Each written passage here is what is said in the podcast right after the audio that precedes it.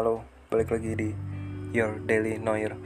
Tadi sebenarnya udah nge-record cuman nggak jelas anjir. Tiba-tiba ada iklan lah atau apalah gue gak ngerti lah.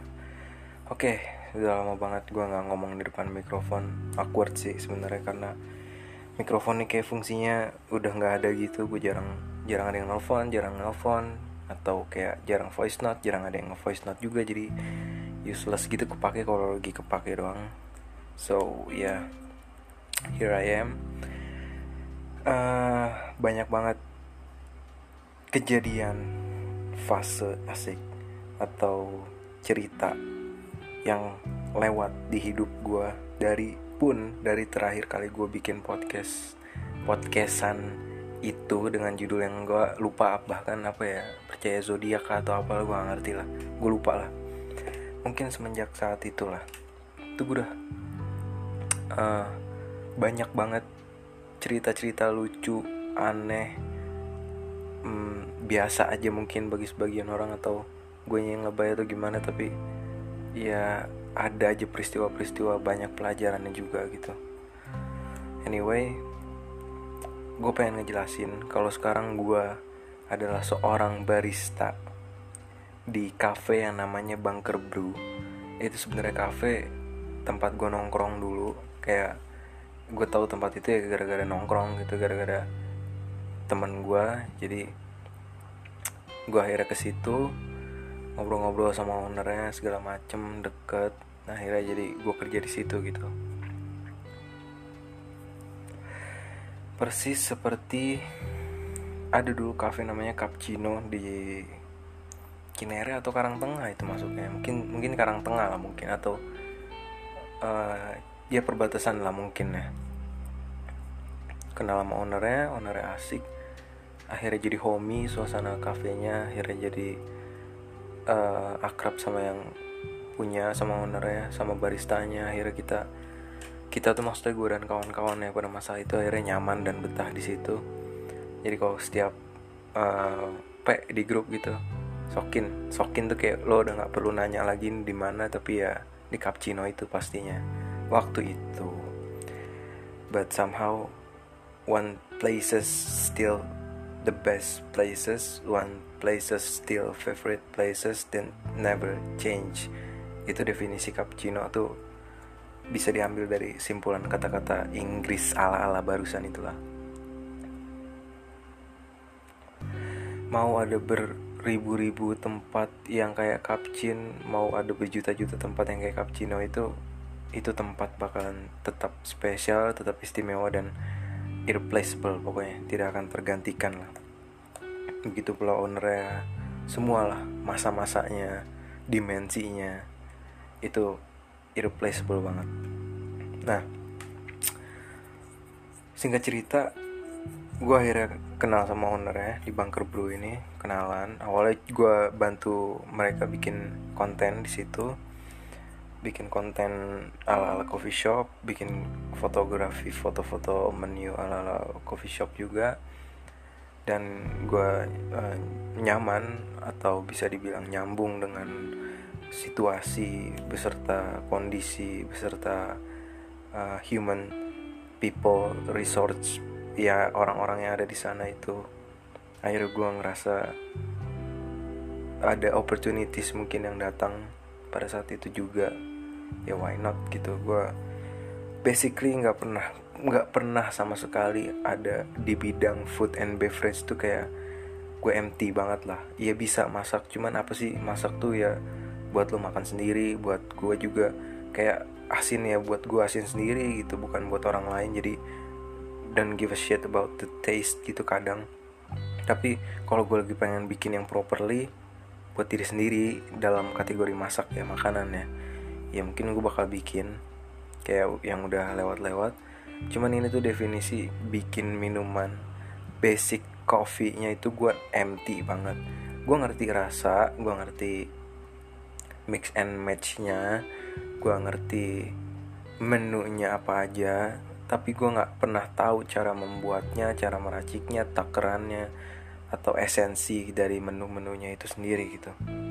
Gue cuman penikmat aja lah yang yang terlibat di dunia perkopian ini asik. Kalau di Indonesia udah kayak udah kayak warkop kan kopi shop tuh ada di mana-mana lah. Gue sambil ngerokok jadi kayak ini rokoknya lagi sulit dibakar gitu.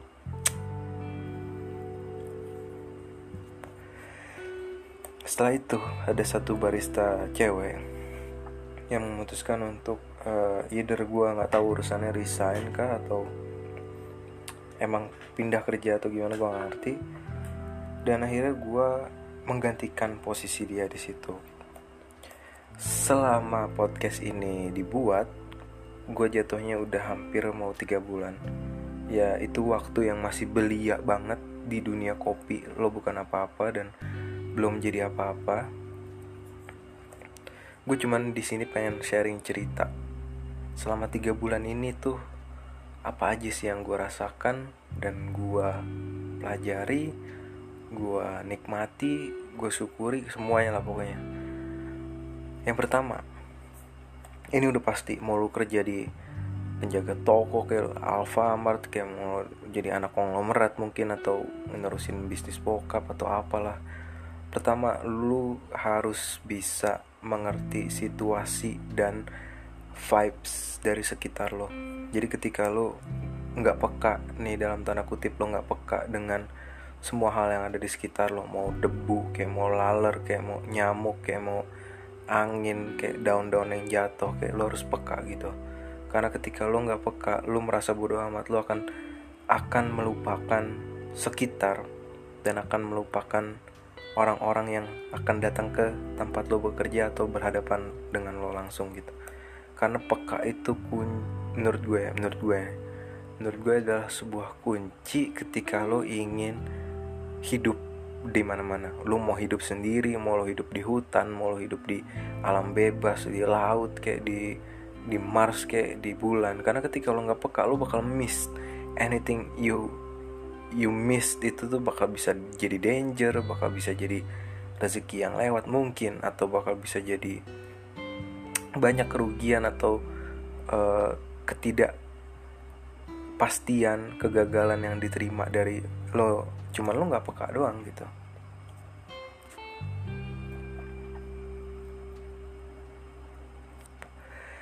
Ada uh, saatnya waktu itu gue gue orangnya emang sensitif sih. Jadi kalau urusan peka dan tidak peka tidak perlu di gue pelajari lagi. Karena itu insya Allah sudah jadi salah satu kemampuan gue lah. Jadi ada satu momen gue di situ baru opening baru buka baru gue beres segala macem.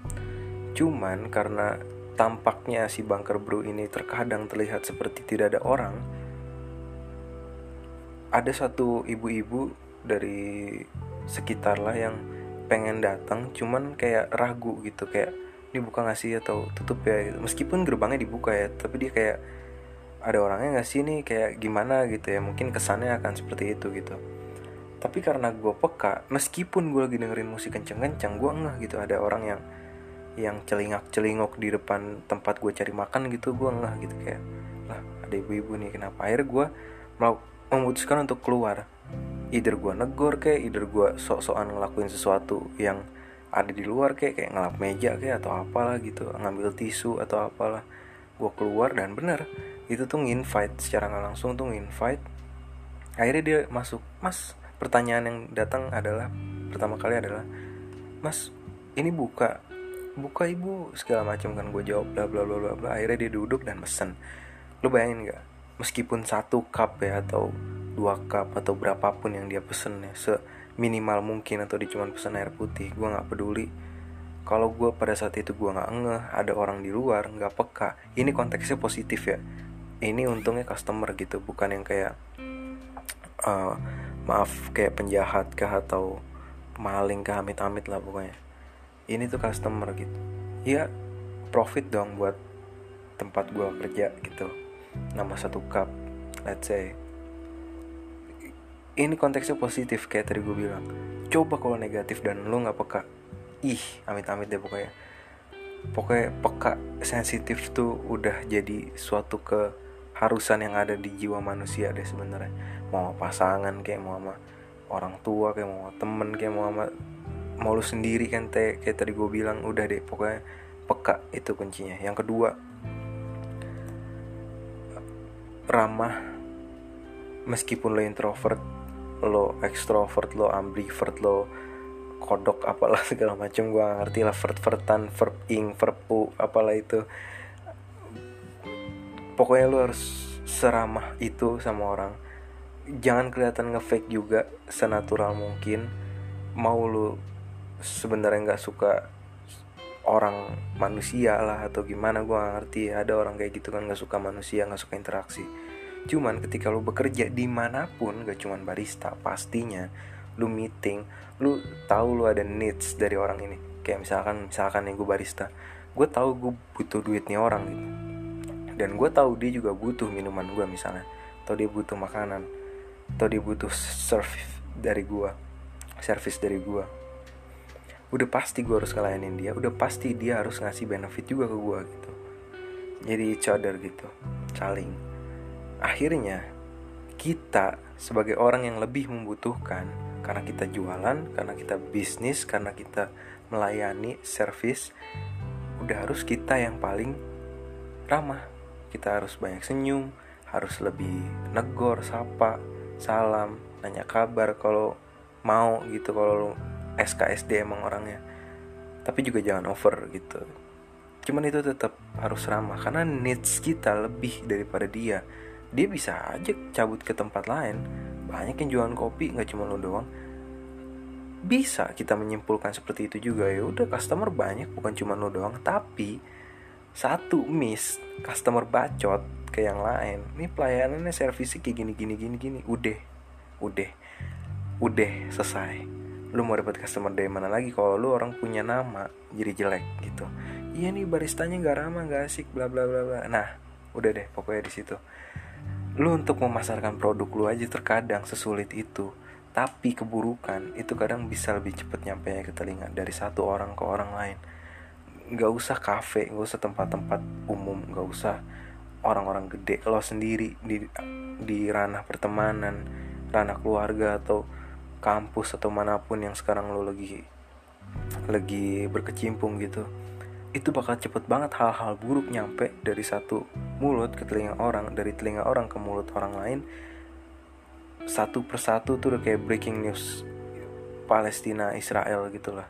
Cepet banget itu kayak gitu. Dan kebaikan nyampe nya ketika lu sudah berbuat baik untuk yang berjuta-juta kali kasarnya. Dan kebaikan itu baru nyampe setelah lu melakukannya ke sekian juta kali. Dan itu lama prosesnya. Itu perbedaan antara kebaikan sama keburukan. Dan itu realita dan faktanya. Yang bisa melihat kebaikan saat itu juga cuman lu cuman Tuhan dan malaikat udah intinya itu doang.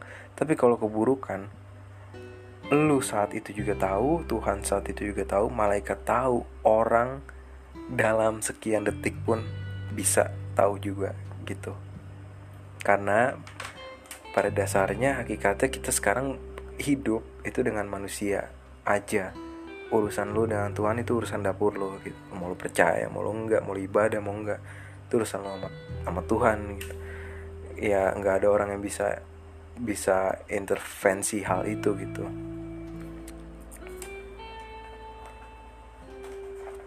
Terus habis itu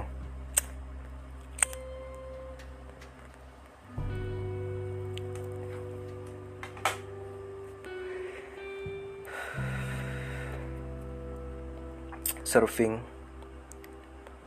minuman atau pelayan pelayanan yang terbaik gitu. Misalkan kalau lu barista dan lo tahu kapasitas lu belum mumpuni untuk bikin minuman-minuman enak. At least lo ikutin rules yang udah dikasih sama tempat itu gitu misalnya. Atau kalau lo di tempat lain dan ada rules ya ikutin aja gitu nggak usah sok-sokan apa ya sok-sokan hoki gitu yang apatis gitu. Yang sok-sokan punya jalannya sendiri gitu. Lu kalau kayak gitu bisnis aja mendingan lu yang buka sekalian gitu. Nggak usah kerja sama orang atau nggak usah kerja buat orang gitu. Ya balik lagi intinya lo harus apa ya bikin atau pas lo uh, kalibrasi nih kalau barista mungkin ya. Ya namanya kalibrasi lah setahu gue lo cobain rasanya kayak apa ketika lo campur dengan creamer dengan susu dengan sirup lain misalnya rasanya kayak apa. Jadi ketika lo sediain ke orang lu tahu rasanya yang orang tersebut minum tuh rasakan tuh apa gitu. Lu pasti bisa bedain lah mana enak mana enggak. Mana kemanisan mana kurang. Hal-hal kayak gitu tuh lu jangan naif sama diri lu sendiri nggak enak bilang nggak enak enak bilang enak gitu. Kalau enak sepede itu ya udah gas terus gitu. Cuman kalau ada komplain dari orang misalkan kemanisan bagi lu eh bagi lu misalkan kurang manis tapi bagi dia kemanisan ya udah lo ikutin. Kayak gitu aja. Itu kan preference kan orang beda-beda. Cuman kalau based on takaran misalnya ada rules takaran di situ gula, gula seberapa atau kopi seberapa atau bubuk seberapa ya udah ikutin aja sesuai itu. Karena itu yang udah para suhu-suhu di tempat tersebut uh, experience eksperimen rasakan sebelum mereka uh, patenin jadi menu gitu. Nggak main-main lah pokoknya.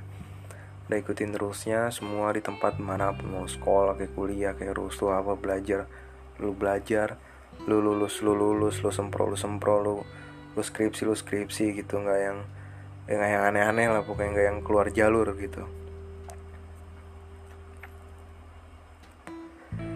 Setelah itu lu harus bekerja lebih dengan bayaran yang biasa aja cuman patut disyukuri. Karena ketika lu bekerja lebih dalam arti bukan over. Maksudnya adalah lu bener-bener kerja lu effort lu nggak menyepelekan lu on time lu asik orangnya lu supel lu bisa diajak ngobrol lu bisa lu ramah itu tadi lu peka. Dan juga lu resik orangnya kotor dikit bersihin kotor dikit bersihin ya itu nilai plus banget lah.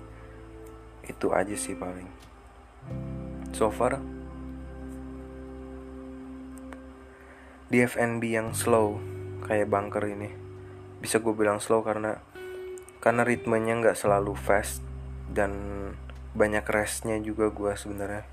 Rest dalam artian gue nggak nyentuh uh, mesin espresso gue nggak nyentuh kopi gue nggak nyentuh beans gue nggak nyentuh susu dan segala macam itu terkadang dalam keseharian tuh lebih banyak gue bebersih megang pengki megang sapu megang elap uh, segala macem timbang gue tadi itu bikin kopi. Jadi rasanya gue banyak lah nyapu nyapu nyapu nyapu lap lap lap lap lap uh, bebersih bebersih di dalam di luar selesai gue rest restnya panjang bisa tuh lama sampai akhirnya ada customer misalnya datang baru gue bikin Di situ gue balik lagi ke dalam ke mesin ke susu dan segala macamnya gitu. Ini di tempat yang slow kayak gini sebetulnya nyantai.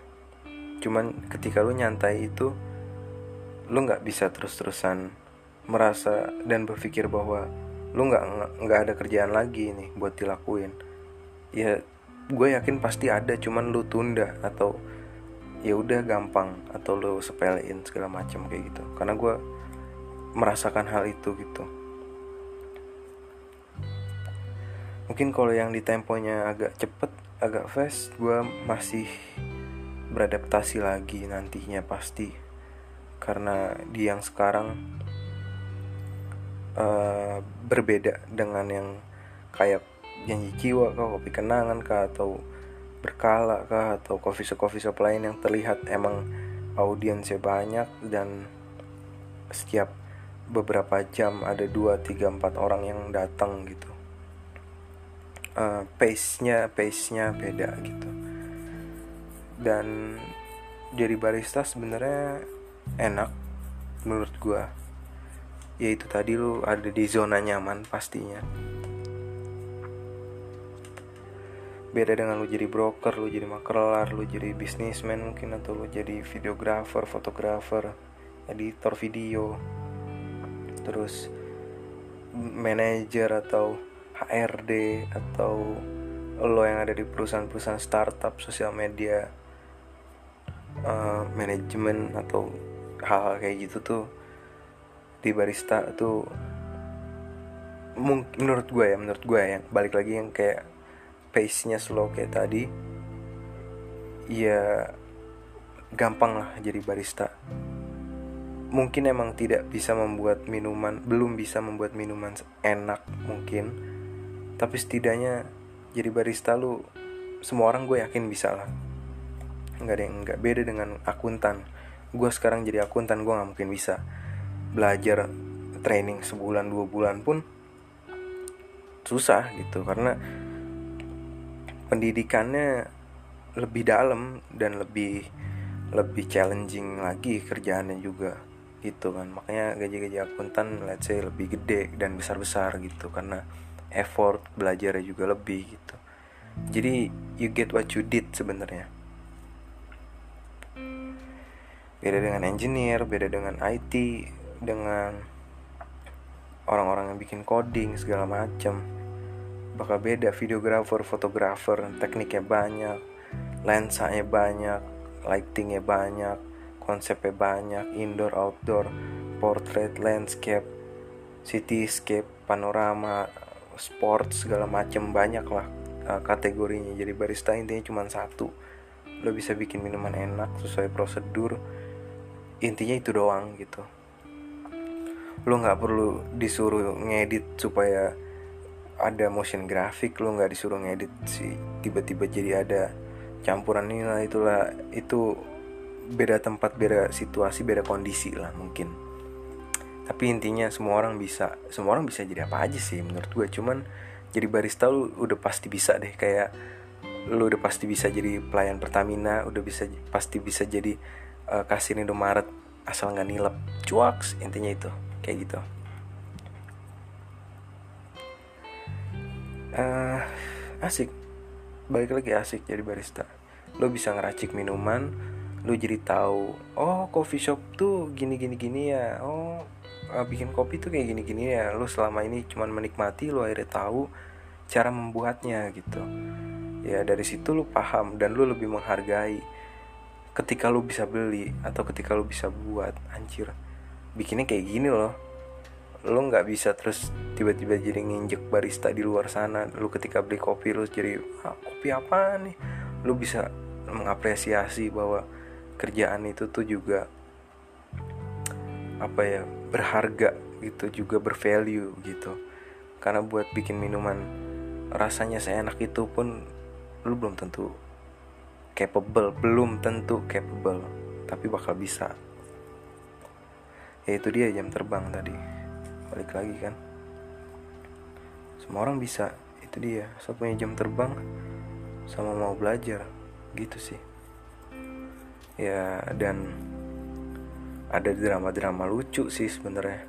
Cuman kayak nggak mungkin gue ngomong di sini deh kalau ada yang nge ngedengerin ternyata orang tersebut yang dengerin tuh kayak sama ya gue nyampein borok gue ke lu dong anjing. Kagak deh. Ya pokoknya adalah satu peristiwa unik dan gue bingung banget kenapa ini manusia tuh masih gue gue gue sebenarnya positive thinking kayak emang tempat bunker ini tuh murah gitu. Kayak lo 15 ribu tuh udah bisa ngopi udah dapet cappuccino udah dapet americano.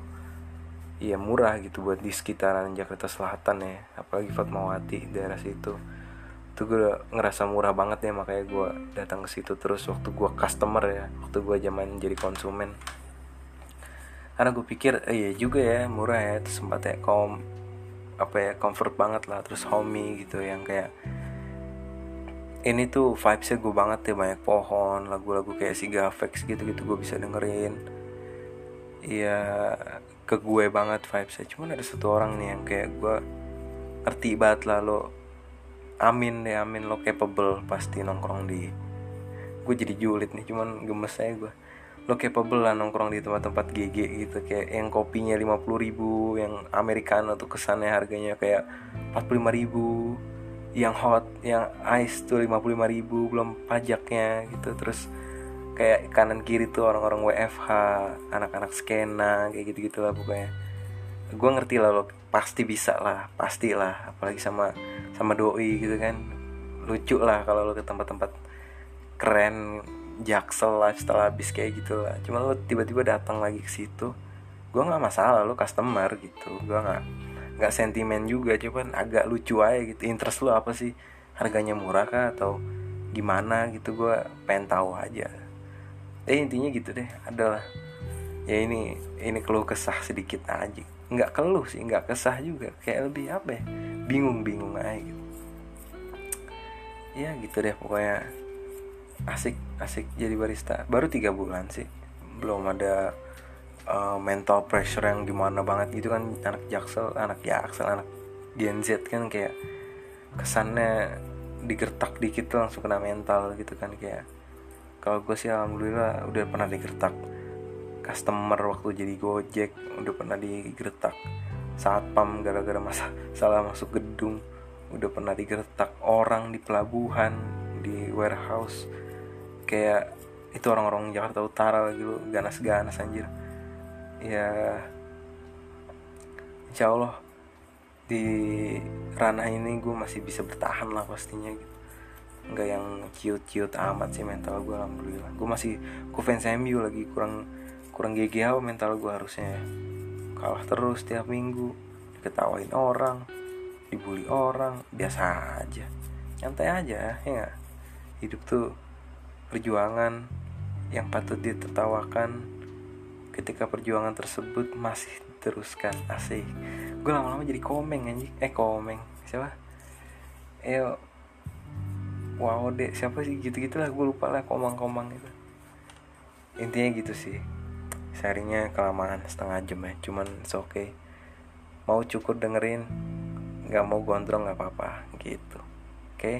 thank you banget udah dengerin Your Daily Noir sampai menit kesekian Thank you for listening and goodbye.